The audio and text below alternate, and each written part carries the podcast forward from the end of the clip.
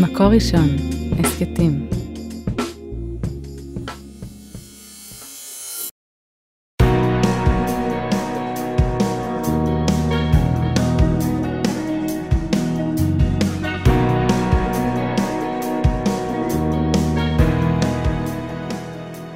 שלום הרבנית חמוטל שובל. שלום הרבנית שירה מרילי מירביס. פרשת ויצא. ויצא יעקב מבאר שבע, וילך חרנה, ויפגע במקום, וילן שם. יעקב בורח, הוא יוצא מהארץ, עוזב את ההורים מאחורה, הולך לחפש לו דרך חדשה, איזה הרפתקאות הוא יעבור בדרך, הוא יכיר אישה, בעצם שתיים, יתחתן, יבנה משפחה. ייוולדו לו ילדים. כן, ובסוף... אה, וגם הוא... את שם הוא עוזב. כן, וגם בסוף הפרשה הוא כבר אה, התכוונן הביתה. כן, מתכוונן הביתה ורוצה לחזור לכנען, אבל כמובן, כמו עם יעקב, שום דבר לא פשוט, לא בדרך ולא ב... ובואו נדבר טיפה על יעקב. ובאמת הדבר הראשון שהפרשה אומרת לנו זה שהוא פוגע, פוגע במקום. ורש"י אומר שמה, אה, תפילה, נכון? לימדנו שתיקן תפילת ערבית. זאת אומרת, אם אברהם אבינו, הוא עמד לפני הקדוש ברוך הוא, ואז שם הפרשנים יגידו, כש, כש, כשכתוב לנו שאברהם עומד לפני השם, לפני סדום, אחרי סדום, אז הוא עומד בתפילה, ואחר כך יצחק יוצא לסוח בשדה, ויגידו לנו הפרשנים, יצחק משוחח עם הקדוש ברוך הוא, יצחק מתפלל. גם יעקב מתפלל, והתפילה של יעקב היא לא עמידה והיא לא שיחה, אלא היא פגיעה. ו- ואולי אנחנו צריכים לחשוב שנייה על המקום הזה, על הפנים של תפילה בחיים שלנו. מתי אנחנו משוחחות, מתי אנחנו עומדות, מתי פוגעים בנו, או אנחנו פוגעות, איפה, איפה תפילה נכנסת לחיים שלנו, ומתוך מה אני מתפללת. מתוך תודה, מתוך אה, חסר לי, מתוך תביא לי, מתוך אני מתוך, כאילו, מאיפה מגיע המקום הזה של תפילה? אני חושבת שיעקב הוא באמת סמל של התפילה בלילה. התפילה בסיטואציה שנורא נורא קשה, אני מדמיינת אותו הולך מכל מה שהוא מכיר, יוצא לחוץ לארץ לבד, הוא גם מפחד על החיים שלו בגלל אה, אחיו וסב, ו... והפחד הזה, יש, אה, יש תפילות שבאות מתוך פחד. אני אספר לך שכשהייתי בהיריון הראשון שלי, ונכון, יש בהיריון ראשון משהו שכל דבר הוא חדש, ולא יודעים, וגם לא יודעים איך לקחת את הרופאים, האם כל דבר... באיזה רצינות, עד כמה. כן, כמה להתרגש מכל דבר. וכשהייתי לקראת, אה, חוד, לקראת סוף חודש שמיני, התקשר אליי רופא, אמר לי, אה, הגיע תוצאות של איזה בדיקה, משהו ממש לא בסדר. ואני זוכרת uh, את עצמי עם רונן מגיעים לרופא, ו... בחודש שמיני. בחודש שמיני, בלחץ אטומי. והוא אומר לי, משהו לא בסדר. כאילו, uh, טוב, נראה, צריך לילד, לא לילד. ואני זוכרת שיצאתי משם בדמעות, ו... והתחלתי להתפלל, ואמרתי, איזה פחד. זאת אומרת, זו תפילה מהמקום הכי, הכי מצוקתי. זאת כן. אומרת, הכי מתחנן לקדוש ברוך הוא, תעזור לי, אני לא יודעת uh, לאן זה ילך מכאן. אז קודם כל אני ארגיע ואני אגיד שהכל היה בסדר, ברוך השם. והילדה מהממת. הילדה מהממת, ו... וילדו אותי מוקדם, ואז אמרו, אה, למה ילדנו אותך מוקדם? הכל מקסים. אבל, אבל אני מאוד מאוד מתחברת לזה שיעקב הוא תפילת ערבית. תפילת ערבית היא בלילה, הרבה פעמים בלילה אנחנו לא רואים אור, אנחנו שבויים בקושי, והוא מלמד אותנו גם על ה... אמונה בלילות. כן, גם כשלבד וגם כשקשה, והוא אומר, הוא אומר לקדוש ברוך הוא, תשמור עליי. אם תשמור עליי, אז ככה ממש עושה לו סוג של תנאי, מבקש מהקדוש ברוך הוא. זה, זה מאוד מאוד משמעותי. כאילו, אני חשבתי על זה שדווקא יעקב, מכל האבות שלנו, מאברהם ושרה ויצחק ורבקה, הוא מוקף במשפחה מאוד גדולה. גם אחר כך כשהוא הולך לקראת עשיו, הוא צריך לחלק אותם, יש ילדים, יש נכדים, יש כאילו כבר... חמולה. כאילו, הוא מוקף בהמון המון, ברוך השם יש לו שתי נשים ו-12 ילדים, וכאילו זה המון, זה לא כמו שהוא גדל, יצחק ויעקב ועשיו. עם אח אחד. ו... זה לא כמו יצחק שגדל, כאילו יצחק וישמעאל. כאילו זה משהו הרבה יותר גדול מזה, ועדיין יעקב הוא נורא בודד. הוא מסתובב בלילה לבד, הוא מתמודד עם המלאך לבד, הוא בורח מחרן לבד. כאילו, יש המון המון נקודות שיעקב, אנחנו פוגשים אותו בפסוקים, שהוא מתמודד לבד, כאילו, ו- ובהפוך על הפוך, כשאתה מוקף בהכי הרבה אנשים, איך אתה מרגיש את הבדידות הזאת היא הכי גדולה. ואז בעצם אומרים על יעקב, טוב להודות להשם, כאילו, כש- כשהכול מעולה והכול סבבה, אבל צריך את האמונה בלילות. שיעקב זה האמונה בלילות, גם כשאתה בבדידות הזאת, גם כשאתה מרגיש שאתה מתמודד לבד עם העולם, איך אתה מוצא את המקום שאתה פוגע, שאתה מדבר עם הקדוש ברוך הוא מתוך המקום הזה. ובאמת, כשהוא הולך לישון, הוא רואה בחלומו את הסולם, והקדוש ברוך הוא מדבר איתו, ואני חושבת שאחד ה... זאת אומרת, אחד המענים הכי גדולים בזמן מצוקה, יש, לה, יש ליעקב קשר עם הקדוש ברוך הוא. הוא יודע שהוא הולך איתו, מלווה אותו בדרך, הוא יודע גם בגלל הקשר הזה עם הקדוש ברוך הוא שהוא יחזור. זאת אומרת, יעקב באמת... אה, אה, זוכה לתקשורת הזאת עם הקדוש ברוך הוא אה, ולקבל ממנו כוח. אה, אז גם הרב, אה, הרב סבטו בספר שלו, אהבת תורה, אה, מדבר על הרש"י הזה, על ויפגע, ועל התפילה של יעקב, והוא אומר שבעצם מכל האבות אנחנו לומדים משהו טיפה שונה. מאברהם, אברהם מלמד אותנו להקשיב לקול של הקדוש ברוך הוא ופשוט ללכת, נכון? אברהם מקשיב ללך לך, והוא מתחיל את ההליכה. יצחק מלמד אותנו להחזיק, להחזיק בארץ, כן? הוא העולה התמימה, יצחק הוא זה שנשאר ולא משנה מה קרה, הוא זה שהחזיק, הוא זה שנאחז, ויעקב מלמד אותנו על גלות. יעקב מלמד אותנו איך אפשר לזכות לחזון ולהתחבר לקדוש ברוך הוא גם בארץ צייה בלי מים, גם כשאתה במקום שאתה לא מצפה לזה. אז דווקא כשאתה יוצא מהארץ, שם הוא זוכה לחלום של הסולם ושל מלאכים שעולים ויורדים. עכשיו, גם uh, הרב יונתן זקס אומר uh, על הפסוק שאומר יעקב בבוקר, אכן יש אלוקים במקום הזה ואנוכי לא ידעתי. אז שואל הרב זקס, למה כתוב ואנוכי לא ידעתי? אפשר היה להגיד, לא ידעתי שהקדוש ברוך הוא פה, והוא מסביר דרך אה, פירוש פנים יפות, שלפעמים אנחנו זוכים לפגוש את הקדוש ברוך הוא כשאנחנו רגע שוכחים את האנוכי, את האני. זאת אומרת, יש משהו בתפילה שאנחנו מאפשרים דווקא כשאנחנו פחות מרוכזים בעצמנו, שיש משהו מיוחד אה, בתפילה הזאת ששמה את עצמנו רגע בצד, והפוקוס הוא על התקשורת עם הקדוש ברוך הוא, על המפגש הזה, שהקדוש ברוך הוא רוצה שנבין את התפקיד שלנו בעולם, שרק אנחנו יכולים למלא בלי האנוכי. שזה בעצם מחזיר אותנו עוד פעם, אם כל חומש בראשית הוא מעשה אבות סימן לבנים, ואנחנו כל הזמן אומרים שגם הזוג הראשון, גם אברהם ושרה וגם יצחק ורבקה, היה להם חוסר מאוד גדול, ולכן התפילה הייתה מאוד נוכחת בחיים שלהם. ויעקב בעצם לא היה עקר בשום שלב. זאת אומרת, לא היה לו חוסר בילדים. כן. היה לו חוסרים אולי אחרים, היה לו התמודדויות אחרות. ההתמודדות של רחל הייתה עם העקרות, ועוד שנייה נדבר על זה. אבל ליעקב היה ילדים מלאה מההתחלה, ונראה לי, אני לא יודעת, נראה לי די בקלות, לפי פשט הפסוקים שמה, כן. כאילו זה זרם. וכאילו המקום הזה פה הוא של, ש, שהרב זקס אומר, שכשאתה אומר את האנוכי לא ידעתי, כשאתה מפנה מקום, אתה מתפלל מתוך מקום של חוסר. אני לפני כמה חודשים אה, הרגשתי שאני צריכה לטלטל את התפילה שלי קצת. הרגשתי שאני מתפללת מתוך מקום של שכל, ושאני צריכה קצת להתפלל מתוך מקום של רגש, ושברוך השם באמת הקדוש ברוך הוא נתן לי ברכה מאוד גדולה בחיים שלי, אבל איפה אני מתפללת מתוך מקום שהוא עמוק יותר?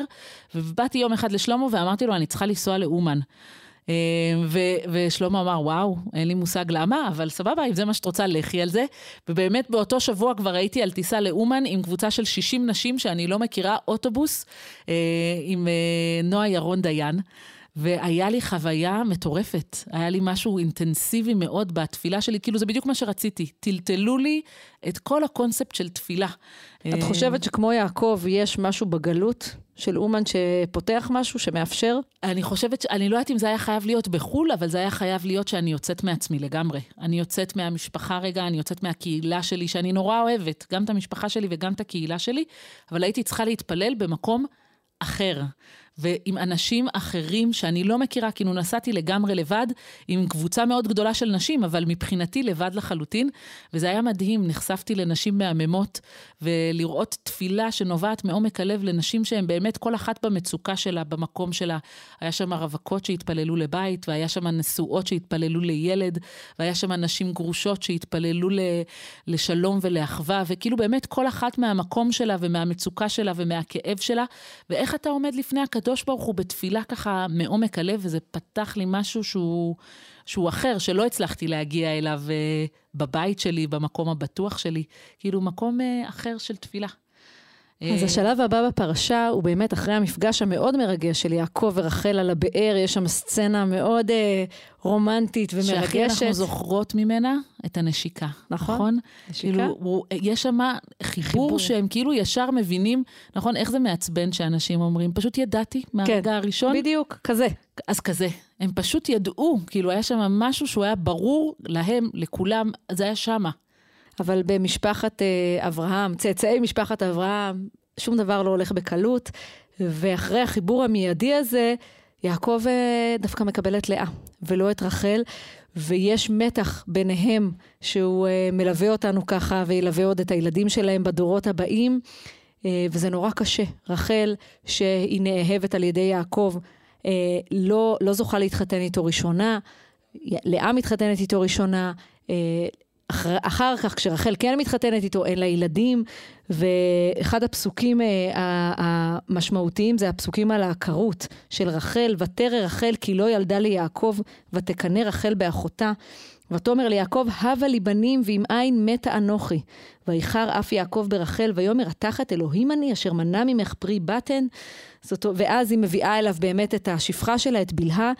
אבל המצוקה הזאת והשיחה ביניהם, שהיא, רחל רוצה ילדים, ויעקב אומר לה, מה, מה את רוצה ממני? זה, זה פסוקים קשים. זה פסוקים קשים, ואיך בשתי משפטים אומרים לנו, גם יש פה עקרות, גם יש פה קנאה.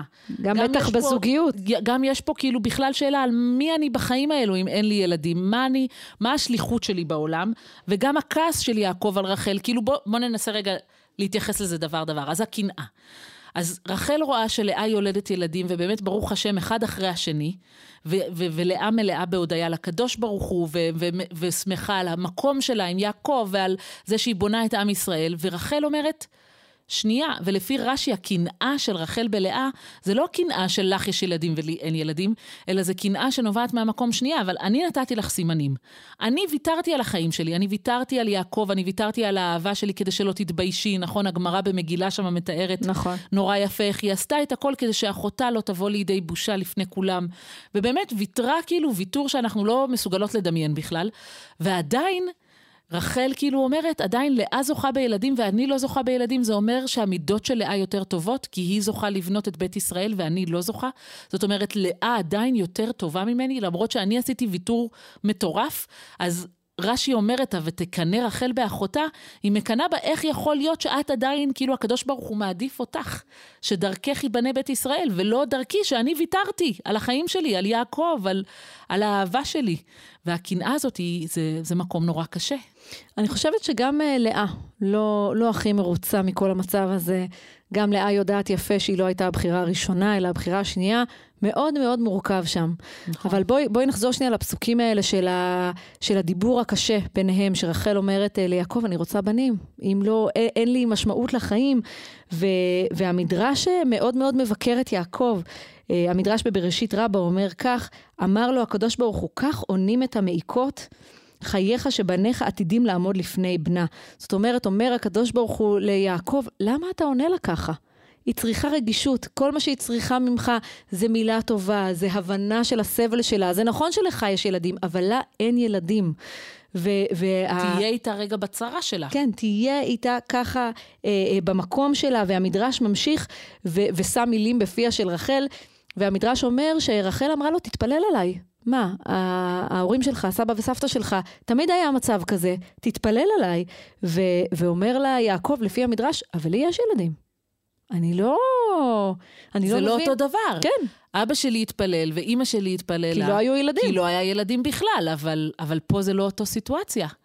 ואז רחל הולכת עוד דור אחורה, והיא אומרת, רגע, אבל גם אברהם ושרה. והוא אומר, כן, אבל אברהם ושרה, אז שרה נתנה לאברהם את, את הגר. מה, את רוצה דבר כזה?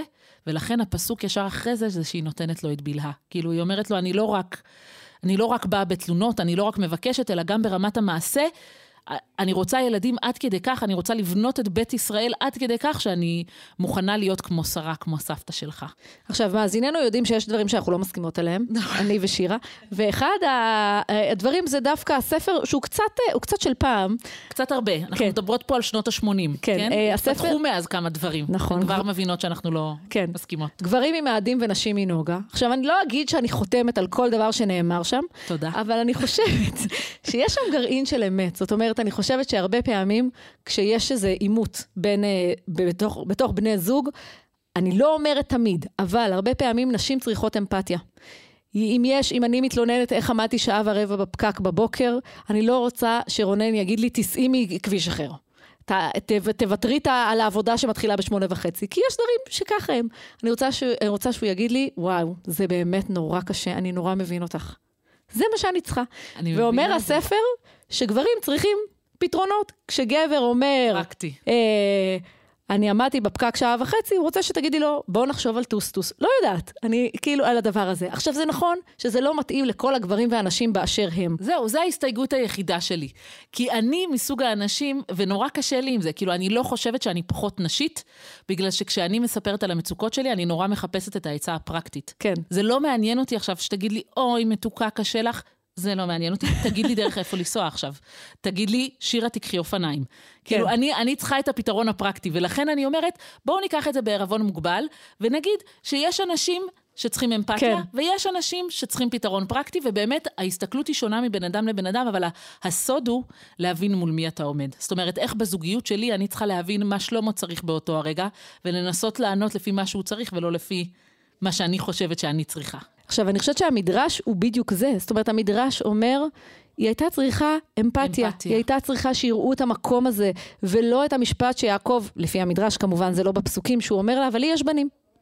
כי, כי זה לא מעניין אותה כרגע. אל תדאגי, אנחנו בונים את בית ישראל כן. פשוט בלעדייך. כן, יש ילדים בבית, מה קרה? כן. אין, אה, אין צעצועים, אין רעש של תינוקות? יש. היא צריכה הבנה והשתתפות בצער ובכאב שלה, כי היא נורא נורא כאובה על זה שאין לה ילדים.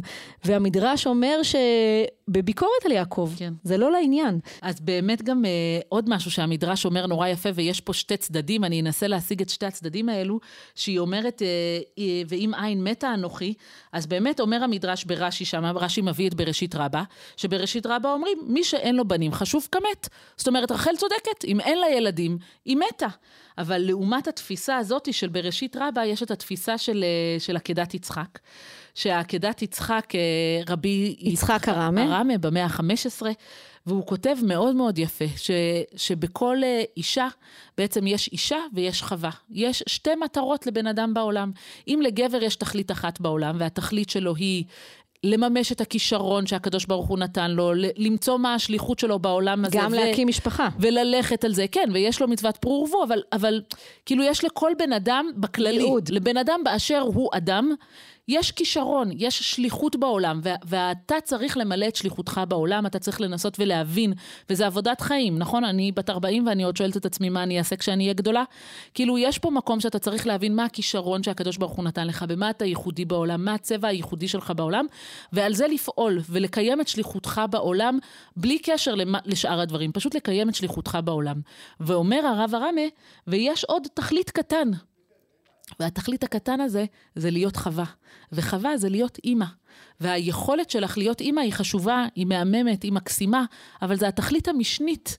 וגם אם אין לך ילדים, עדיין יש לך שליחות בעולם, והשליחות שלך היא... יכול... תמצאי אותה. לא, ויכולת לעשות טוב, אומר הרב הרמה, עיקר תלדותיהם של צדיקים, מעשים טובים. זאת אומרת, אומר לה יעקב, יש לך מקום בעולם, גם אם את לא אימא. אז, אז הוא לא אומר לה בכעס, אלא הוא אומר לה בכעס על זה, למה את חושבת שאת מתה? זאת אומרת, יש לך מקום בעולם, גם אם אין לך ילדים. זאת אומרת, תמצאי, כמו באברהם ושרה, השרה לא ישבה עד גיל מאה והתבכיינה על זה שהיא הכרה. היא אמרה, אוקיי, אין לי ילדים, קדימה, מה, מה השליחות שלנו בעולם? מה אנחנו עושים? אנחנו עושים לך לך, אתה מגייר את הגברים, אני מגיירת את הנשים, אנחנו, יש לנו איזשהו חזון על השם אחד, ואנחנו הולכים על הפרויקט הזה בכל הכוח, יש לנו חזון משותף, ואנחנו עושים אותו. ואחר כך גם היה לה ילדים, אבל uh, כאילו יעקב בא מהמקום הזה שהוא מנסה לנחם אותה, כי הוא אומר לה, מה פתאום את מתה? את לא מתה. זה שאין לך ילדים זה לא אומר שאת מתה. זה אומר שעדיין יש לך שליחות מאוד גדולה בעולם, ואת צריכה למצוא את השליחות שלך ולעשות אותה. אז אני, אני מאוד מתחברת, אני חושבת שאני מאוד מבינה את המצוקה שלה, ואני חושבת שאם רחל אימנו הייתה שומעת את אה, הרב ארם, יכול להיות שזה היה קשה לה. ו, ועוד פרשן אחרון במובן הזה, אה, שהרד"ק אומר, זה לא שיעקב לא היה אמפתי, זה לא. יעקב היה אמפתי, הדבר היחיד שהוא, שהוא לא היה מרוצה ממנו, זה שהיא אומרת לו, הבה לי בנים. ויעקב אמר לה, תתפללי לקדוש ברוך הוא. מה זה לי? כן. מה זה הבה לי בנים? כאילו, אומר לה, זה אני לא, לא אני, זה אני לא, לא ממני. הקדוש ברוך הוא, אני לא זה שיכול לספק ילדים. והוא אומר לה, אני מבין, אבל פשוט, אני לא הכתובת, במובן הזה שאני רוצה, ש... אני רוצה שתתפללי לקדוש ברוך הוא. כן, כאילו הוא שולח אותה להתפלל ישר למקור. כן. אז אולי רק עוד מילה אחת על המקום הזה של רחל ולאה. כי זה נכון שרחל ויתרה על הסימנים, ו- וטובתה של לאה עמדה לנגד עיניה, והיא הגנה עליה, כאילו באחוות החיות הזאת שמה. היה משהו בקשר הזה ביניהם שהיה מאוד מאוד חזק, שזה נכון שהייתה שם גם קנאה, אבל אני חושבת שהייתה שם גם אהבה מאוד גדולה ואחווה מאוד גדולה בין רחל ללאה. אמ, והכתוב מנסה לרמוז לנו שגם לאה הייתה שם בשביל רחל. אה, יש את הפסוק המאוד יפה. Uh, הפסוק המאוד יפה שאומר, ואחר ילדה בת ותקרא את שמה דינה. זאת אומרת, לאה, אחרי שנולדים לה כמה וכמה בנים, פתאום יש לה בת, והיא קוראת לה דינה. ואז רש"י אומר, מה זאת אומרת קראה לה דינה? פירשו רבותינו, דנה לאה דין בעצמה. אם זה זכר, לא תהא רחל אחותי כאחת השפחות. התפללה עליו ונהפך לנקבה. זאת אומרת, רחל ולאה ידעו שיהיו 12 ילדים ליעקב. כן. ובעצם יש פה איזו ספירת מלאי. כמה ילדים נולדים ולמי עוד נולדים. עוד ילד ללאה, עוד ילד ללאה. אנחנו כבר בחמש, אנחנו כבר בשש, כבר בלהה יולדת, זלפה יולדת. רגע, אם לכולם יהיו בנים, בעצם כל 12 השבטים יהיו מלאה, בלהה וזלפה, ולא יהיו מרחל. עכשיו, רחל בהיריון, ולאה בהיריון, ולאה מבינה שאם יש לה עוד בן, בעצם לרחל לא יהיה מקום ב-12 השבטים. ולכן התרגום יונתן אומר שהחליפו עוברים, בגלל שלאה התפללה על זה, לאה ראתה שהיא בהיריון, ורחל סוף סוף בהיריון, התחלפו העוברים במעי שלהם, ברחם, והקדוש ברוך הוא הפך שיוסף יהיה במעי רחל, ושדינה תהיה במעי לאה.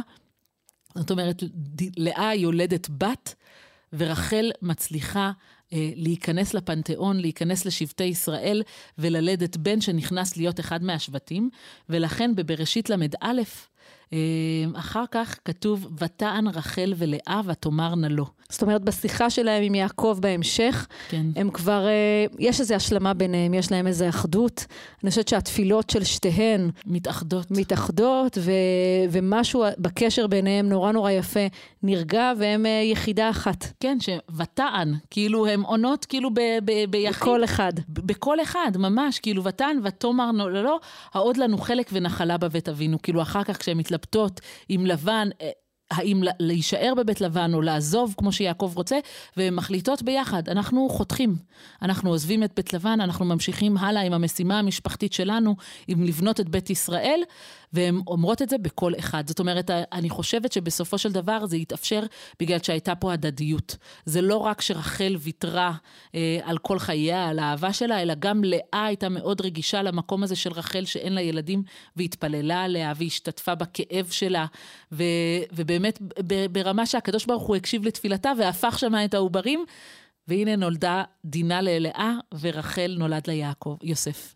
אני חושבת שכל הפרשה הזאת uh, מהדהדת לנו שיש המון מצבים נורא מורכבים בחיים, גם בתוך המשפחה, גם בלי קשר uh, למשפחה, במסעות שאנחנו עוברים בחיים, ושמשפחת uh, יעקב, רחל ולאה, מלמדים אותנו גם על ההתמודדות הזאת, וגם שצריך להיות בקשר עם הקדוש ברוך הוא, להתפלל אליו, ב- לא משנה באיז, באיזה מצב, כדי באמת שהחיים יהיו מלווים בעשייתא דשמיא, שזה קשה, זה מורכב, אבל uh, הם מלמדים אותנו שיעור גדול בתפילה.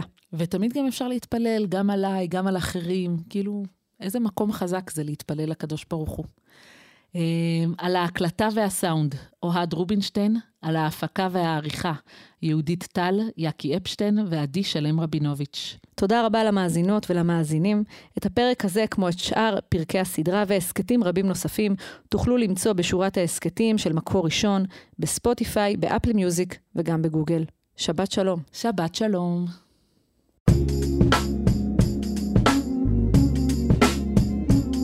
מקור ראשון, הסכתים.